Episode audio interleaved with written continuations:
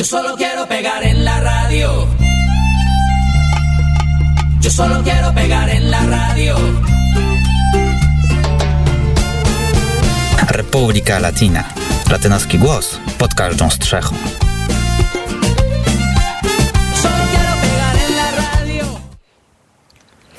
Muy buenas eh, tardes. No właśnie nie wiem, co powiedzieć. Czy powiedzieć mój buenas tardes, czy już mój buenas noches, bo już jest wieczór, w sumie się zaszło słońce, a w zasadzie powinniśmy powiedzieć po portugalsku boa tarde albo boa noite, e, bo dzisiaj będziemy, znaczy ja będę mówił o e, wyborach w Brazylii. E, Takie podsumowanie troszkę e, i kampanii wyborczej, i również wyników obydwu kandydatów. Przypomnę Państwu, że Luiz Inácio Lula da Silva, były prezydent Brazylii, wygrał te wybory. Wygrał je liczbą prawie 51% głosów, czyli 50,9% głosów. Jego kontrkandydat, czyli Jair Messias Bolsonaro, obecny prezydent e, Brazylii, e, otrzymał 49,1% procenta głosów. No i tu się mówi, proszę Państwa, że ta różnica była bardzo niewielka, bo rzeczywiście ta różnica, no weźcie Państwo pod uwagę, to jest niecałe 2% głosów i to jest około e, zdaje się nie, nieco ponad 2 miliony, e, nieco ponad 2 miliony głosów. E, W związku z tym ja na taki duży kraj, jakim jest Brazylia, czyli około e, 200 milionów osób, no to ten wynik jest naprawdę, e, ta różnica, może powiedzmy tak, jest naprawdę bardzo nieduża. Natomiast ja bym chciał się troszkę mm, skupić na kilku tematach. Po pierwsze, jak wyglądała kampania wyborcza w Brazylii. Po drugie, dlaczego e, wygrał Luiz Inácio Lula da Silva, a przegrał Jair Bolsonaro. No i po trzecie, e, jakie są perspektywy dla nowego prezydenta, zarówno na arenie, e, zarówno w, w perspektywie krajowej, jak i na arenie międzynarodowej. E, Zacznijmy od kampanii, proszę Państwa. To była kampania bardzo brzydka, brudna, zła, e, bardzo brutalna również. I kampania, która bym powiedział, że e, no zupełnie nie pasująca do tego charakteru Brazylijczyków, jakiego, jaki możemy sobie wyobrazić, czyli tego pogodnego ludu, który e, gdzieś tam sobie tańczy sambę, e, bawi się na karnawale i ogólnie używa życia. To jest oczywiście takie stere- stereotypowe podejście, natomiast weźcie Państwo pod uwagę, że e, kampania wyborcza pokazała, jak bardzo spopularyzowanym społeczeństwem są Brazylijczycy. E, Myślę, że jeżeli chodzi o populary, e, o tą mm, ten podział e, pomiędzy e, zwolenników e, i przeciwników Jaira Bolsonaro, może na tym się skupmy, bo to generalnie, no weźcie Państwo pod uwagę, że jeżeli powiemy o tym, dlaczego Jair Bolsonaro przegrał, dlatego, że po prostu Luis Inácio Lula da Silva otrzymał więcej głosów. I taka, jest, taka, taka powinna być odpowiedź.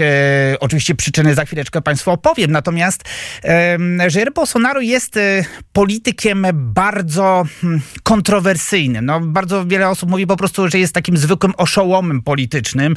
No ja poniekąd mógłby się, mógłbym się e, zgodzić e, z, z tym zdaniem. Mówię poniekąd, bo no, nie, nie powinno się na polityka tak mówić.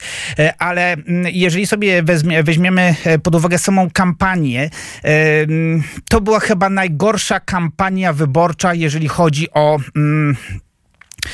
O Brazylię, o historię Brazylii. Dlaczego? Dlatego, że e, kandydaci nie skupiali się na obietnicach wyborczych, nie, nie skupiali, to nie, to nie była kampania pozytywna, to nie była kampania, która powiedziała, w której obydwaj kandydaci by mówili, słuchajcie, ja oferuję, e, jeżeli zostanę prezydentem, ewentualnie jeżeli przedłużycie mi moją, e, moją, e, moją prezydenturę na drugą kadencję, e, to zrobię to, to i to. Nie, proszę Państwa, to była kampania wzajemnych oszczerstw, e, prania brudów, wyzywania się od najgorszych. Z jednej strony mamy, proszę Państwa, e, Jaira Bolsonaro, który mówił, że Lula to jest e, złodziej, oszust, e, korupcjonista e, i jeszcze w dodatku syn szatana, który chce pozamykać wszystkie kościoły w, e, w Brazylii.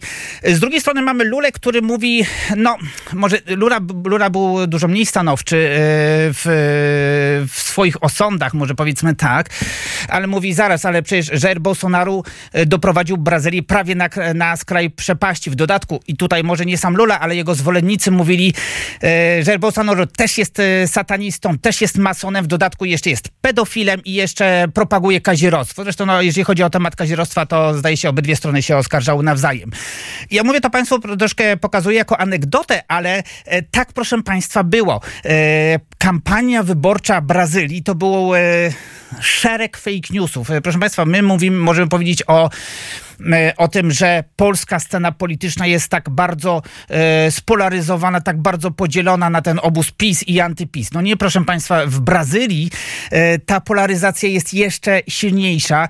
E, w Polsce, proszę Państwa, tylu fake newsów, ile się pojawiło podczas kampanii wyborczej. I to nie sterowanych, proszę Państwa, gdzieś z zagranicy, ale wychodzących e, od samych Brazylijczyków. E, tych fake newsów, proszę Państwa, to były tysiące, dziesiątki, być może nawet setki tysięcy.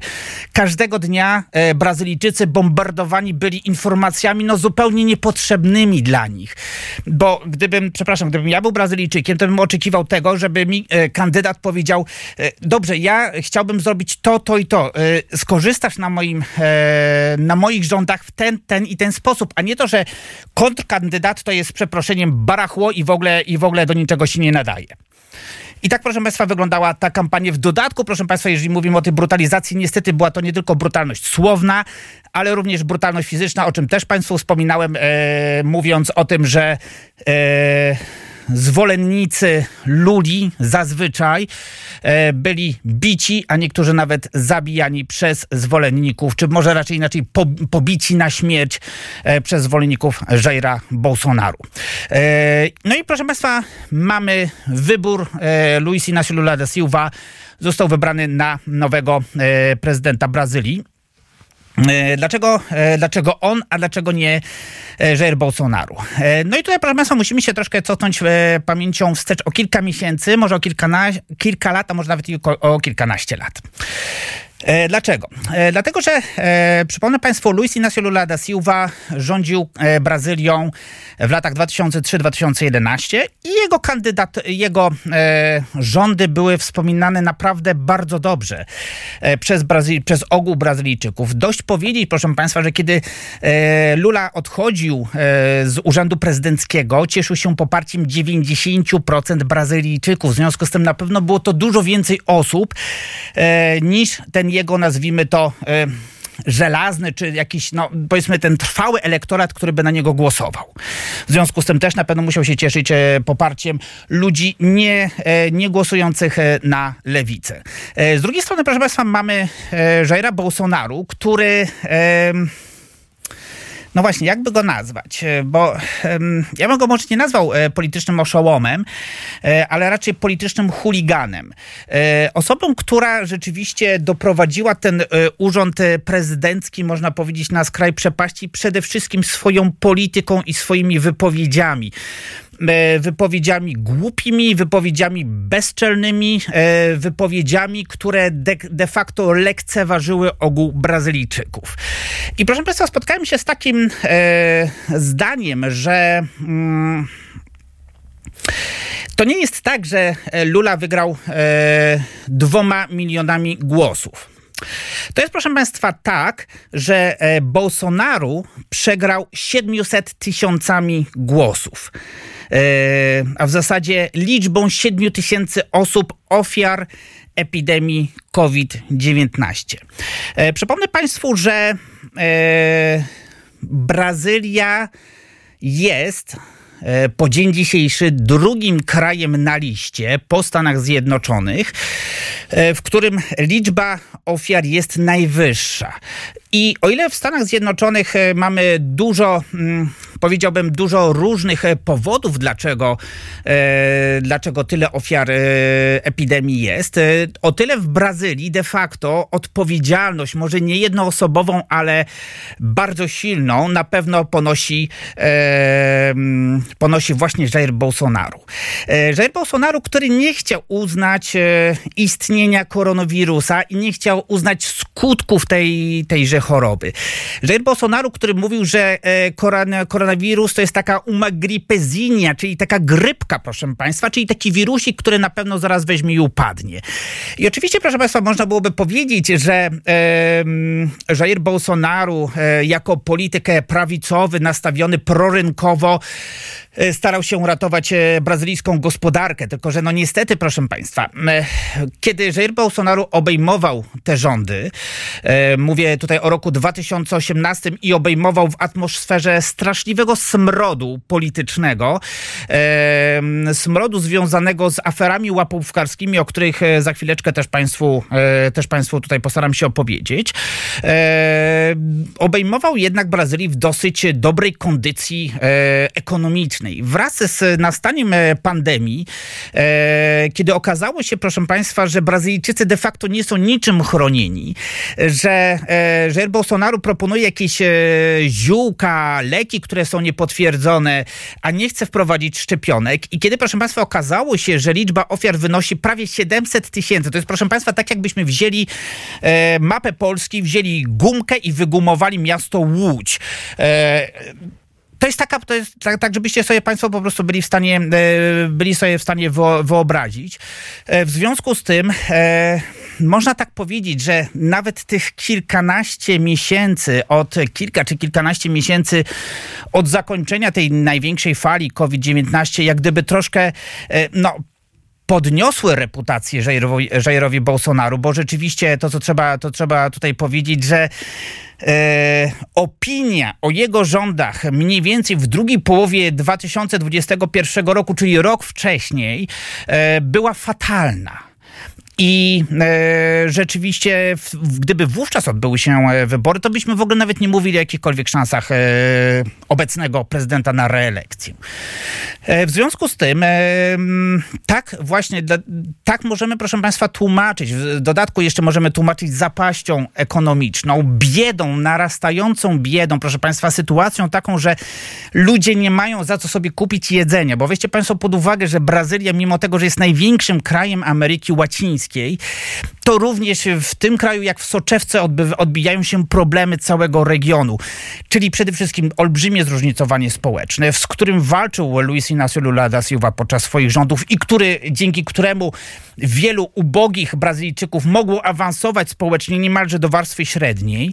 E, z drugiej strony e, mamy też, proszę Państwa, mm, biedę, mamy ludzi pozostających bez pracy, ewentualnie pracujących w tym e, sektorze nieformalnym, który przypomnę Państwu w całej Ameryce Łacińskiej został zbombardowany e, epidemią koronawirusa. E, no i proszę Państwa, pytanie co robić? Oczywiście i jeszcze, jeszcze w, w, w dodatku wzrastające bezrobocie. E, Jairowi Bolsonaro to, co trzeba powiedzieć na plus, udało się zahamować te spadkowe tendencje i to na pewno jest bardzo duży plus e, dla obecnego prezydenta, jeżeli chodzi o ekonomię. Natomiast no niestety to proszę Państwa, nie wystarczyło do tego, żeby pokonać Luisa Inacio Lula da Silvę. Pomimo tego, proszę Państwa, że mówimy o tym, że e, Luis Inácio Lula da Silva cały czas na nim, e, za nim powiedzmy się, ciągnie się taki ogon korupcyjny. Oskarżeń o korupcję. Przypomnę Państwu, to były dwie, e, dwie afery e, korupcyjne z 2000 mniej więcej połowy ubiegłego e, dziesięciolecia, e, czyli mówimy tutaj mniej więcej około 2000 2015 roku. Zresztą afery, które też e, pomogły Jairowi Bolsonaro zdobyć władzę wówczas. To są sprawy e, Mensalão, czyli łapówki dla e, członków Partido de Trabalhadores, czyli partii pracujących, z której wywodzi się Lula. No i z drugiej strony Lavajato, czyli łapówki z dwóch firm. Jedna z nich to jest Petrobras, czyli taki brazylijski Orlen, tylko pewnie 100 razy większy. I z drugiej strony Odebrecht, czyli firma budowlana, biorąca udział w przetargach dla, dla powiedzmy firm państwo, czy urzędów państwowych, e, która słynie z tego, że jest po prostu synonimem korupcji nie tylko w Brazylii, ale i w, ale, ale i w całej Ameryce Łacińskiej. E, w związku z tym, proszę państwa, e, Luis Inácio Lula da Silva też padł e, ofiarą tejże, tejże afery. Sergio Mochu, ówczesny sędzia, e, robił wszystko, żeby oskarżyć Lulę. E, z tym, z tym, że proszę państwa, okazało się później, że Sergio Mochu został ministrem sprawiedliwości Jaira Bolsonaro i naj, no i nagle się okazało, pytanie jest takie, czy, czy, czy Sergio Mochu jako, jako sędzia był, e, był osobą e, neutralną? No bo chyba nie. I to też pomogło, proszę Państwa, Luli, e, jak gdyby e, powrócić do wyścigu o władzę. Natomiast moje zdanie jest, proszę Państwa, e, prywatne takie, że e, Lula powinien, zanim rzeczywiście by powrócił do tej polityki, oczyścić się całkowicie z zarzutów o korupcję, a tego, proszę Państwa, nie zrobił. No i wreszcie dwa e, pytania pod tytułem, jak będzie wyglądała polityka wewnętrzna Brazylii. Lula stawia na odbudowę e, Brazylii ekonomiczną, przede wszystkim poprawę e, warunków bytowych dla najuboższych. Stawia również na ekologię, czyli ponowne zalesienie Amazonii, bo to jest też problem, który dotyczy nie tylko Brazylii, ale i całego świata. Z tym, że proszę Państwa, to jest taka sprawa, mianowicie zwycięstwo Luli nie jest zwycięstwem całkowitym i to sobie musimy, i to sobie musimy wziąć pod uwagę. I To jest pierwsza rzecz, proszę Państwa, a druga sprawa jest, e, druga sprawa jest e, taka, że mm, e, wobec Luli będzie bardzo silna opozycja w parlamencie i w, e, w urzędach lokalnych, czyli urzędach stanowych, czyli gubernatorów, które w sporej części, między innymi w São Paulo, e, zdobyli właśnie zwolennicy Jaira Bolsonaru. E, Czy Jair Bolsonaro uzna swoją, e, swoją porażkę? Pewnie któregoś dnia będzie musiał. Mam przynajmniej taką nadzieję. Jeżeli chodzi o politykę międzynarodową, Lula stawia na integrację Ameryki Łacińskiej łącznie z tymi państwami uznawanymi za, e, no, za dyktatury, powiedzmy sobie szczerze, ale to już jest temat na zupełnie inną rozmowę. Tak czy, tak czy inaczej, e, ewentualną prezydenturę Luli, bo miejmy nadzieję, że, że, że nie będzie żadnych problemów, e, przyjdzie nam ocenić dopiero co najmniej za kilka miesięcy, a może i lat. Przy... Przyjdzie nam ocenić, przyjdzie nam śledzić i komentować. Zbyszek Dąbrowski, Republika Latina, Tres por. Dziękuję.